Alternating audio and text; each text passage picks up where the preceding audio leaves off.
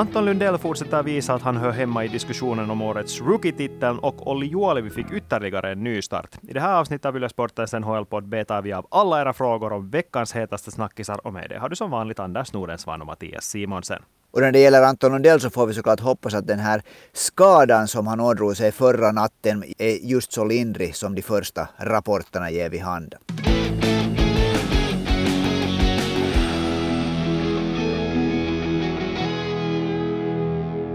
Ja, den här veckan tror jag att vi slog rekord, eller ni slog rekord i antalet frågor som ni har skickat in åt oss, och det gör ju oss såklart väldigt glada. Så vi bestämde oss helt enkelt för att det här avsnittet fokuserar vi bara på dem. Vi ska bara besvara era frågor och vi börjar direkt med ett av de stora samtalsämnena tydligen, för vi har fått in några frågor om en viss person, Anton Lundell, och framförallt hans chanser att vinna titeln för årets rookie i NHL, Calder Trophy. Vi börjar med Simons fråga tycker jag. Han undrar om Lundells chanser är realistiska. Själv tror Simon inte att han blir vald, men att man ju kan göra som grodan och leva på hoppet. Vad tror vi? Jag tycker nog realistiska är det ju definitivt för att det där, det är bara att kolla på hans på hur mycket han spelar, på hans statistik och på i vilka, ett hur bra lag han spelar. Så, så realistiska är de, är de nog hur man än vrider och vänder. Sen så är jag nog benägen att tro att det ska väldigt mycket till att de NHL-journalisterna ska välja honom till, till årets nykomling jag har ju sagt det tidigare i den här podden och jag är fortfarande av den åsikten att det, jag tror helt enkelt inte att han ens kommer att vara en av de här tre som är nominerade till slut. Att, att de andra kandidaterna som finns till hand just nu, så de är helt enkelt för starka. Det finns inte någon som, som Lundell ska kunna peta bort om han inte ple, spelar alldeles bländande bra resten av säsongen. Men helt, eh, som du konstaterar här i introsnacket, så han är skadad just nu. Vi vet inte ännu exakt hur länge han kommer att vara borta, men i det här skedet när det ändå är ett pris som delas ut på basis av grundserien, så är varje varje missad match ett missat läge att förbättra sina aktier också. Ja, så missade han ju en del matcher i början av säsongen också. Jag kommer inte ihåg hur många det var, om det var om det var fem matcher eller hur många det var han missade då. Och det tog ju en liten stund efter det tills han igen var uppe på den nivå som han har visat efter det. Eh, det som jag tycker var ganska intressant, i och för sig ingen överraskning att, att Florida nu slog Detroit här i en match för ett antal dagar sedan. Men det där då gjorde ju faktiskt Anton Lundell en helt supermatch och det var en av, eh, två egentligen av huvudkandidaterna till att, till att vinna Calder var, var på Detroits sida, det vill säga Lucas Raymond och Moritz Seider, backen och, och det där, den svenska, svenska snipern. Jag skulle vilja tro att det där att han ändå kommer att vara en av de tre, för jag tycker det är lite jag vet, kan man ens plocka två spelare från samma lag? Kan både Seider och Raymond vara, vara de där kandidater? Nej, alltså nu tror jag det, för åtminstone i fjol så tippades det ju både att, att både Kaapo Kähkönen och Kirill Kaprizov, i bästa fall om Kähkönen skulle ha fortsatt spela lika bra hela säsongen som han gjorde där i ett skede, så då skulle de båda ha varit aktuella. Så inte tror jag att det finns något hinder för det åtminstone. Men nu är det ju lite tjockt ska vi säga om, om två spelare från Detroit. Nu får ju Detroit spela nästan halva säsongen så att ingen lag egentligen riktigt satsar på att, att, att det är hemskt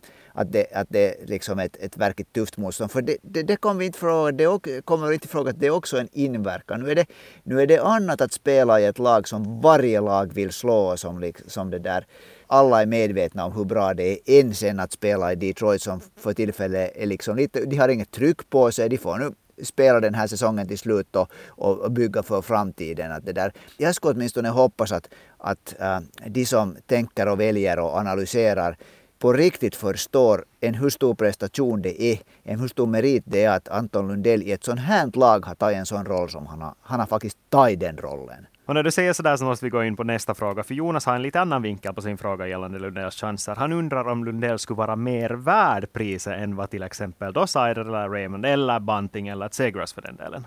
No, nu är det här ju, kommer ju från Finland och är det där någon som har följt med Anton Lundells karriär. Så jag är definitivt inte objektiv, jag medger det. Men att det där, jag tycker ju att han är värd det.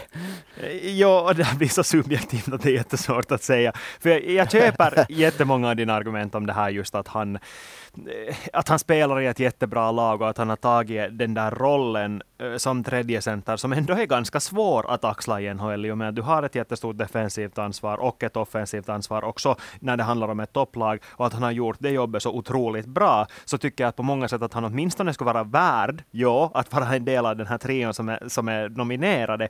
Men inte kan jag ta ställning till om han skulle vara mer värd än någon av de här andra till exempel, för nu inte kan man ju säga att de andra skulle spela dåligt heller. Nej. Det kan man inte. På tal om prisgalan i NHL så har vi fått in en fråga om, eller ska vi säga ett ställningstagande om ett av de andra priserna som kommer, kommer att delas ut. Och ett av de här priserna som det alltid snackas om väldigt mycket, alltså ligans mest värdefulla spelare, MVP, Hart Trophy. Rickard skriver så här, vem vinner Hart Trophy i år och varför är det Igor Sjösterkin?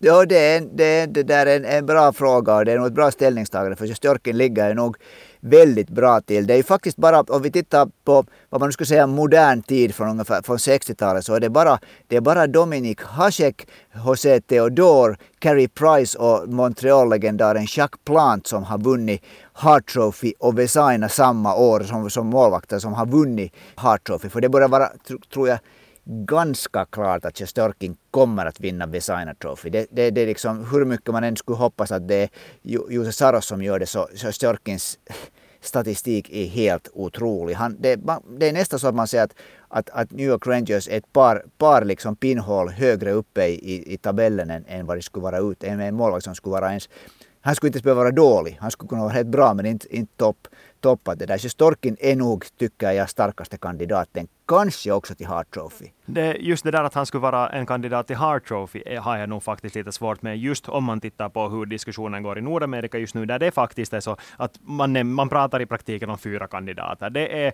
uh, Austin Matthews, det är Connor McDavid, det är Jonathan Huberdeau och det är Alexander Ovechkin. Att det är de fyra på något sätt som ändå cirkulerar i det här snacket när man försöker lyfta fram. För vi ska ju inte glömma det nu heller att jo, om man faktiskt skulle dela ut det här priset på basis av vilken spelare som är värdefullast för sitt lag, så då borde borde Igor Sjostjorkin absolut vara den, den enda kandidaten. Men det här är ett pris som på senare har blivit ett pris som man egentligen delar ut till den bästa spelaren i världen. Och då, då, då slängs den där motiveringen helt ut ur fönstret, för man kan på något sätt argumentera att till och med Andrei Vasilevski, om vi tar andra ryska målvakter, till och med som målvakt egentligen är minst lika bra som Sjostorken. Han bara gör inte en lika bra säsong just nu. Så ja, jag, jag vet inte. Alltså, jag, jag är inte lika sådär, ska vi säga, optimistisk med tanke på hans chanser.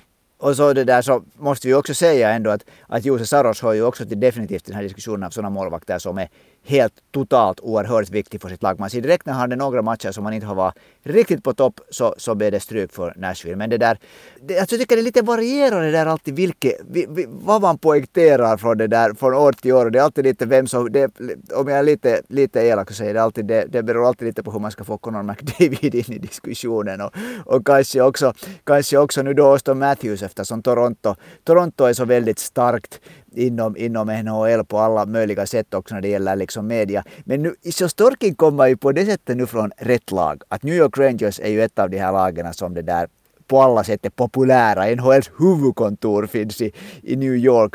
Madison Square Garden. Liksom det, det är nog bra att komma från Broadway i de här diskussionerna. Ja, men så ska vi också komma ihåg att Ryssland inte är värst populärt just nu. Och det här är Nä. en sån diskussion som man också måste minnas att oh. även om den inte är värst synlig i NHL just nu så är det någonting som kommer att, att kretsa kring den här frågan. För att man vet ju att trots att de här ryska NHL-spelarna får spela så vet jag inte om NHL vill skicka sådana signaler till utvärlden att man faktiskt ger sådana pris för bästa spelare åt ryska spelare. Om det talar emot någon så skulle jag nog säga att Ovechkin blir hundraprocentigt säkert inte nominerad för Hart Trophy det här. Och den liksom, fast han nu skulle skjuta 70 mål så det där, det skulle vara en sån PR-förlust att det, det, det, där, det tror jag att han är nog ute, ute ur diskussionen. Så Storkin har ju kanske på det sättet PR-värde på sin sida att om jag nu inte misstar mig så hör han till de spelarna som har tagit på riktigt avstånd från, från Putin redan tidigare. Så finns det nog många som skulle jätte, jättegärna säga att en Toronto-spelare skulle vara det där. Skulle ta hem Hart Trophy och, och nu är igen Austin Matthews leder, leder skytteligan. Jag är grymt imponerad av Austin Matthews och jag skulle inte protestera om han skulle vara åtminstone en av de tre kandidaterna. Nej, faktiskt just nu så skulle jag faktiskt helt 100% ärligt sätta lägsta odds på att det är Matthews som vinner Hart och att det är Bunting som vinner Calder helt bara på grund av den där Toronto-kopplingen. Det är nu bara så. Nej, men en 26-åring får inte Calder. Det där tror jag inte på. Han får inte Calder. Det här, nu måste vi inför publiken, vi kan slå vad om det här. det låter bra.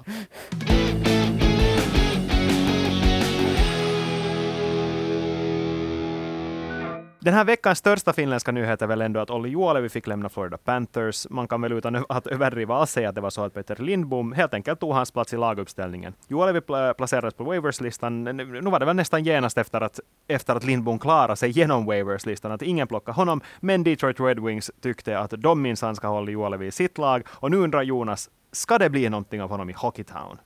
Förhoppningsvis, för det börjar ju nog att vara dags nu att det ska lossna för Olle Juolevi. Han har haft det så oerhört svårt under sina år i Nordamerika. Att det nu äntligen skulle vara, vara det där någonting som skulle börja gå hans väg. Och på det sättet kan Detroit ju vara exakt rätt omgivning för honom. Att det är ett lag som håller på att som faktiskt ser ut att kunna vara bra om några år. De har Steve Eiserman som general manager, vilket inte är alls dåligt om man ser att han var med och byggde, byggde upp det Tampa Bay som nu liksom har varit bäst i NHL i ett, i ett par år åtminstone när man ser på titlar.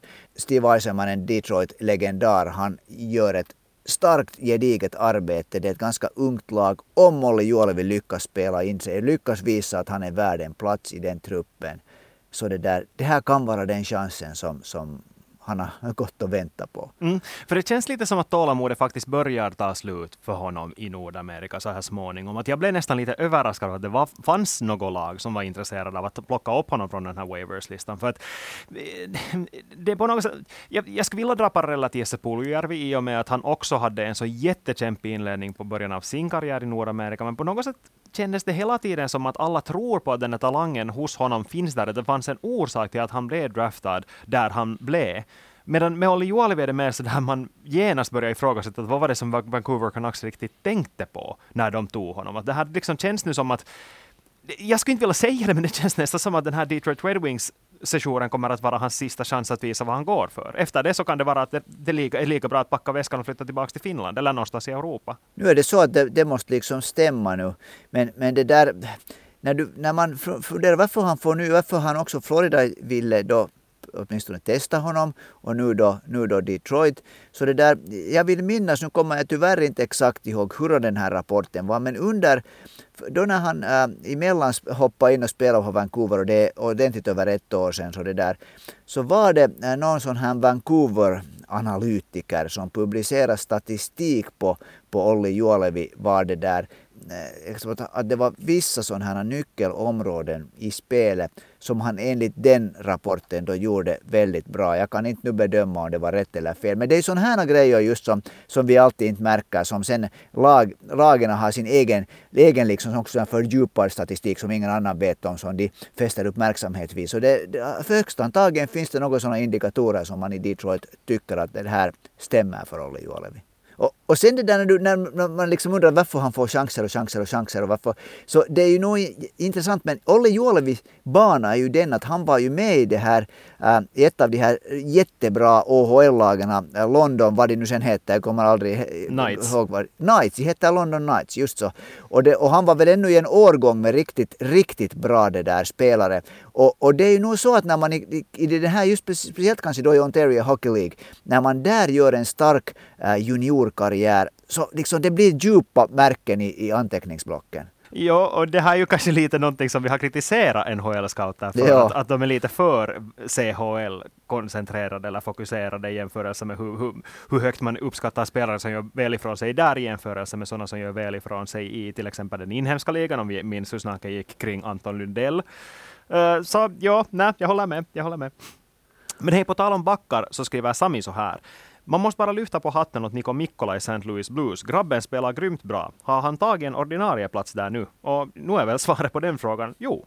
Du har ju hård koll för tillfället på blues i och med att du eh, om några dagar ska referera, refereras, eh, referera en bluesmatch på, på lördagen för att vara exakta. Så det där, men om jag säger snabbt så tycker jag det där att, att det liksom att, att, att blues är hemskt intressant det här deras back, hur de spelar med sina backar för du har liksom, de har väldigt olika par. Nu spelar ju Niko Mikkola tillsammans med en annan jättestor spelare för det mest med Colton Pareiko och det är väl ett par som fungerar jättebra.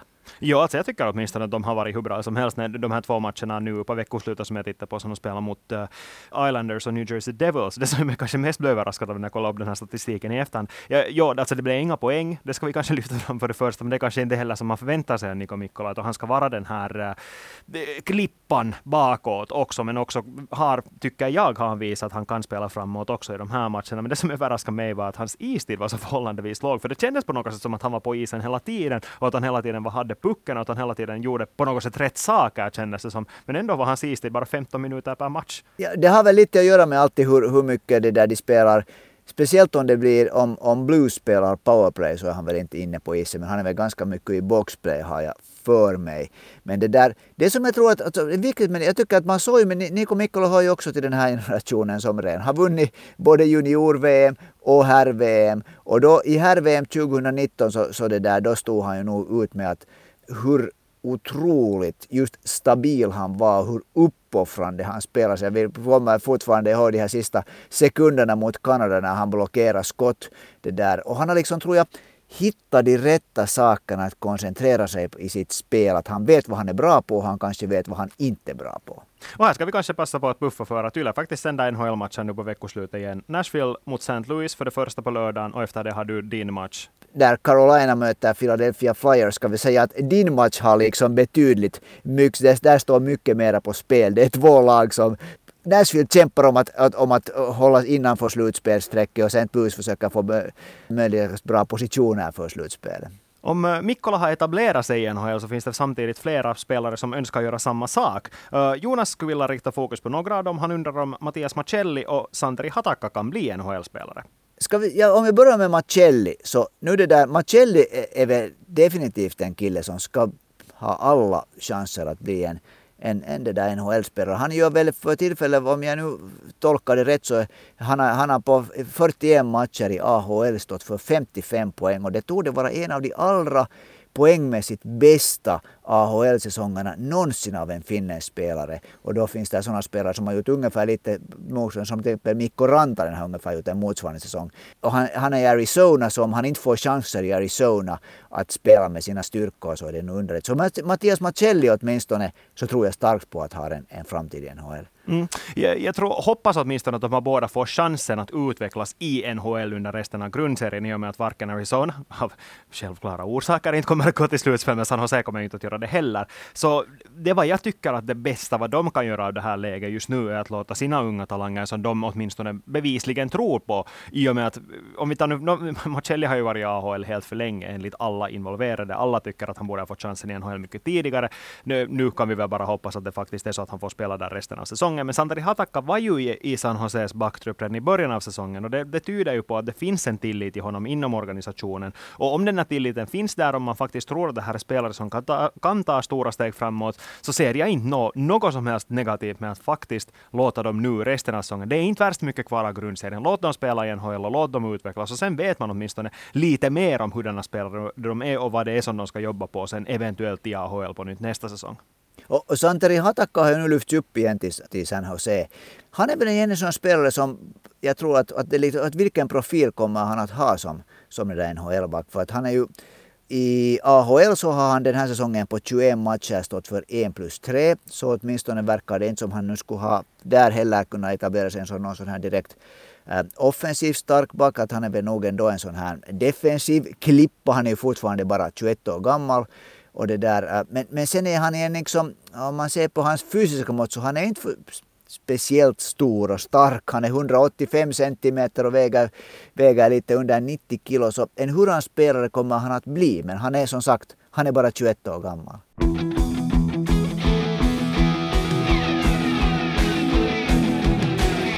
Patrik Laine fortsätter i sin tur att imponera och Rickard undrar nu hur många år det kommer att bli på hans nästa kontrakt i Columbus. För ja, enligt honom så kommer han att stanna i Columbus. Ja, och jag är inte övertygad om att han kommer att stanna i Columbus. Nästa kontrakt. Varför skulle Patrik Laine nu skriva ett långt kontrakt? Frågar jag dig. För att han kan få ganska mycket pengar för det. Det är ju, det är ju inte ett kontrakt som jag tror att Jarmo Kekäläinen är den som ger åt honom, men nog tror mm. jag att det skulle finnas sådana som uh, skulle kunna göra en sån här, vad man nu skulle kalla det i en NBA-termen, sign and, uh, trade and sign. en motsats sån, att man i princip tecknar ett jättelångt kontrakt efter att man har trädat till sig honom, eller så att Columbus först gör den där jätteförlängningen och sen trädar man honom efter det. Att, det ser jag inte alls som något omöjligt. Nej, alltså där tror jag på att något annat lag skulle kunna, men att, men att, att han skulle skriva ett långt kontrakt med Columbus. Men om vi utgår från det, för det är det vad Rickard lyfter fram här, att om, om utgångsläget är att han stannar i Columbus, så hur långt är det där kontraktet som han skriver på? No, jag, lite, jag sticker lite ut hakan här och jag vet att du kommer att säga något annat, så jag säger nog det här att, att jag har liksom lite låst mina tankar att, att om han stannar i Columbus så väntar han på att bli fri agent. Så jag tror att det är hemskt svårt att få honom att teckna på ett kontrakt i Columbus som är längre än en säsong. Nej, jag ska säga samma sak, men nu kan jag inte göra det. Nej, alltså jag, säger i så fall, jag säger i så fall två år, för det ger ändå lite mer ekonomisk eh, stabilitet och det ger honom ändå sen möjligheten att bli unrestricted free agent efter att kontraktet tar slut. Och det ger också Columbus lite mer tid. Det ger Jarmo Kekäläinen lite mer tid att faktiskt försöka klura ut vad de vill göra med honom. Och, och det ger också Jarmo Kekäläinen lite mer tid att försöka övertyga Patrik Laine att det faktiskt finns en framtid för Columbus som ett det där lag som kan, som kan nå framgång. Ett lag som har nått framgång den senaste tiden, New York Rangers. Capo Kakko har däremot inte funnits i den spelande uppsättningen på en tid nu för att han är skadad. Det är han fortfarande, men ryktas vara på väg tillbaka så småningom. Men har han en framtid i New York Rangers? Det undrar Daniel. Bra fråga. Det, det är på ett, på ett sätt en vansinnig fråga när man tänker hur han talang han var och han blev draftad som tvåa. Men det där, jag förstår frågan för det, det, liksom, det är ju någonting som har det är någonting, det är som ett lås i Capo Kakko-spel. Det är det som vi har talat tidigare också många gånger i den här podden att, att hans skridskoåkning inte riktigt vill hålla måttet. Det där. Och, och sen är det ju nu att den här, den här liksom andra killen, den eh, kommande kanske superstjärnan, Alexis Lafreniere under den här, de här veckorna nu som det där som Capo Kakko har varit borta så det där så har ju Alexis Lafreniere varit faktiskt hela tiden liksom börjat spela bättre och bättre och bättre. Så det där kan man få för en sån här potentiell storspelare som Capo Kakko kan man få så mycket i utbyte att, att man satsar på att hålla Alexis Lafreniere och så har man många andra bra, ändå ganska unga pjäser, eller inte åtminstone gamla pjäser. Att det där, jag skulle inte vara helt övertygad om, man ha, om, om New York Rangers börjar ändra sin åsikt om Capo Kakko. Eh, jag tror ändå att det skulle kräva ett ganska stort pris, eh, eller en ganska stor eh, ska vi säga, ett stort trade-förslag för att de skulle vara sådär på riktigt lockade att sälja honom. För nu ska vi ändå minnas det att det som talar för hans framtid i New York Rangers är faktiskt det här att han har spelat ganska dåligt. För i och med att han inte har levererat på den nivån som vi kanske har väntat oss, så kommer han inte heller att få den lön som stora stjärnor kommer att få, utan han kommer att få en ganska måttlig lön när det handlar om hans första förlängning efter det här rookie-kontraktet tar slut. Och det är någonting som Rangers gillar, för jag har aldrig förstått hur hela fridens namn, de ska få det här pusslet att gå ihop med de spelarna som de har. Att de har Mika Zibanejad, de har Artemi Panarin, de har Alexis Lafreniere om han fortsätter spela bra, de har sina backar, de har sina målvakter. Alla ska få ganska stora kontrakt. Så jag vet inte hur de ska få det här pusslet att gå ihop om de dessutom skulle ha en Capo Kakko som plötsligt börjar panga in en poäng per match. Så de är säkert nöjda om han håller sig på en sån här, ska vi säga, stabil andra kedjas ytternivå som har ett högt tak, mycket utvecklingspotential, men som ändå inte riktigt är där ännu. För då kan man ge honom en, en mindre lön och vara så att Nå, bevisa nu vad du går för. Ja, det är en bra poäng. Och, och, och så finns det också tycker jag att, att kanske man ändå vill se liksom att vad har han för vart kan det gå? För det har ju mellan sett riktigt bra ut och sen är det ju en de här som kollar på mycket på fördjupad statistik så där har ju Capo Kakko den här säsongen hört helt till de, till de bästa liksom äh, i Rangers att det går Rangers skapar när han är inne på isen och han har liksom enligt, enligt statistiken gjort ganska lite liksom fel hemåt. Han, har, han liksom gör nytta för sig. Så det finns också de grejerna som talar starkt för honom. Och på tal om spelare som har haft det lite motigt så undrar Jonas vad det är som har hänt med Jonas Donskoj. Ja, jag tror att det, det största som har hänt honom är att, att han har helt enkelt hamnat i ett lag där av en eller annan orsak hans sätt att spela ishockey inte liksom fungerar. Nej, inte vet jag riktigt vad det finns att säga mer än så. För I Colorado passar han uppenbarligen. Han stor trivdes ju bevisligen i sin roll där, men i Seattle så har det bara inte klaffat överhuvudtaget. Är det månne så att han är sen beroende eller på ett sätt är det där uh, Jonas Donskoj den typen av ytterforwardar som liksom, att det måste liksom klicka med, med, med centern och med, liksom med hela femmans spel för att han ska hitta, hitta sig, liksom kunna spela enligt sina styrkor. Thomas vill i sin tur veta om Carolina Hurricanes äntligen kan utmana en Stanley Cup i vår efter att ha åkt ut, åkt ut mot Boston och Tampa de två senaste åren. Jag tror att, att det här året nu har de en gång varit i konferensfinal och det är ju viktigt. Ett lag brukar liksom ta steg för steg när det gäller att växa till ett liksom vinnarlag. Och jag tycker att de här ledande spelarna där, av vilka Sebastian Aho och Teräväinen hör, hör till dem, och det, sen finns det lite äldre garde, liksom. det finns ännu sådana Jordan Stahl och mycket bra backar och, och målvakten Fredrik Andersen. Så jag, jag tycker att Carolina eh, har liksom, det är nog ett av ligans absolut mest liksom, kompakta paket. Att jag tror att de har en möjlighet. Att om man talar om, om man jämför Carolina till exempel med lag i samma konferens så tror jag, tycker jag personligen att de till exempel är ett steg före Florida Panthers till exempel i, det här, i den här utvecklingen i att bli ett mästarlag, ett lag som faktiskt har allt som krävs för att gå hela vägen, för de har ändå tagit de där små steg närmare, närmare hela tiden, och de har alltid varit lite före Florida Panthers till exempel. Så jag skulle sätta lägre odds på Carolina Hurricanes än Florida Panthers just nu.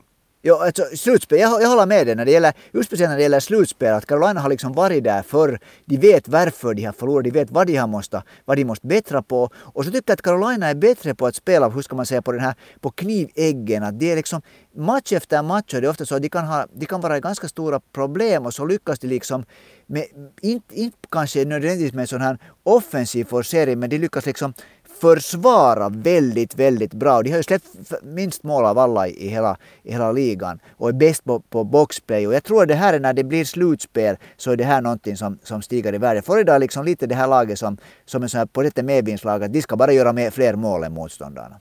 Mm, och lite på tal om det här, i och med att jag misstänker vad du kommer att svara på den här frågan. Så Jenny vill veta om någon av dagens NHL-finländare har chansen att bli alla tiders finländska spelare min personliga åsikt är att, att det finns ett antal spelare, eller inte ett antal, det finns några spelare för tillfället som har det där möjligheten att, att vinna Hart Trophy. Alltså som blir vald till ligans mest värdefulla spelare. Det är såklart Alexander Barkov, det är Mikko Rantanen och, och, och också nog Sebastian Aho. Och om någon av de här spelarna under sin karriär gör det, så då är det nog nästan så att de börjar vara, vara det där alla tiders finländska NHL-spelare. Det som jag tycker att skiljer de här åt, om vi nu, om vi nu tar med andra spelare i diskussionen också, då är det kanske Jari Kurri och Teemu Selänne som man i första hand lyfter upp i den här diskussionen. Så skillnaden här mellan framförallt Sebastian Aho och Alexander Barkov och resten är det att de är de där stora ledarna i det laget på ett samma sätt som ingen av de andra på samma sätt har varit. Jo, Jari Kurri var en jätteviktig spelare för till exempel Edmonton Oilers, men han spelade tillsammans med Wayne Gretzky. Teemu Selänne var också på sitt sätt ganska beroende av de andra spelarna i samma kedja, även om han under flera år var den där dominanta. Därför skulle jag kanske ändå lyfta upp honom som den där största, bästa genom tiderna uh, av finländska spelare. Och jag tycker på något sätt att Mikko Rantanen faller in i den samma kategorin i och med att hans storhet kommer från det att han gör det så jäkligt bra tillsammans med Nathan McKinnon. Att därför skulle jag faktiskt säga att Sebastian Aho och Alexander Barkov har alla chanser att bli alla tiders finländska ishockeyspelare. Jag håller med dig att de har det. De har det. Men, det, men, men samtidigt ska vi säga att, att de har liksom men, men det krävs, det krävs liksom resultat. Det krävs kanske att det blir en Stanley Cup-seger. Det krävs liksom verkligt starka liksom, äh, poäng. Äh, båda har, alla liksom förutsättningar till det. Men det där, eh, det, för tillfället så är det kanske Jari Kurri inte en spelare som är, eller en, en person som känns sådär hemskt populär. Och man, men det där, man måste ändå komma ihåg att hur stor han var som spelare. För att när du sedan spelar tillsammans med Wayne Gretzky så ska vi minnas att han gjorde, han var en av äh, de absolut ledande spelarna då när det där äh, Edmonton vann den här sin femte Stanley Cup då utan Wayne Gretzky våren eh, äh, 1990 och då det där gjorde han till exempel 40 mål den säsongen. Så att han lyckades tycker jag visa att han inte behöver Wayne Gretzky för att vara en superstjärna. Men vi tar och avslutar med en fråga som handlar lite om behind the scenes. Edvard undrar om vi spelar in det här intro före eller efter att vi har bandat in vårt snack och jag kan väl avslöja så pass mycket att, att så pass mycket förbereder vi oss att vi vet ungefär vad vi ska tala om och också kan förbereda vad det där introsnacket ska vara. Men vi har ju alltid möjlighet att banda om. Vi har inte behövt göra det hittills, men, men ja, planeringsarbete krävs det, men, men vi bandar in allt liksom så här i kronologisk ordning. Vi är så enkla i skallen att vi måste gå i kronologisk ordning för annars går allt åt skogen. Exakt. Men hej, det, har, det, finns faktiskt en sista fråga. Rickard undrar var Claude Giroux kommer att spela nästa säsong. Men svaret får han och alla andra väntar på en vecka, för nästa vecka ska vi ta itu med lite spekulationer inför trade deadline, inför det att transferfönstret stängs i NHL. Om du har en fråga, en åsikt eller vad som helst gällande det så är det bara att skicka in det på Ylesportens Instagramkonto eller på en mail till svenskasporten.yle.fi. Där hittar vi dem. Och nästa vecka är vi tillbaka igen med trade deadline-snack. Tack och hej och ha det bra.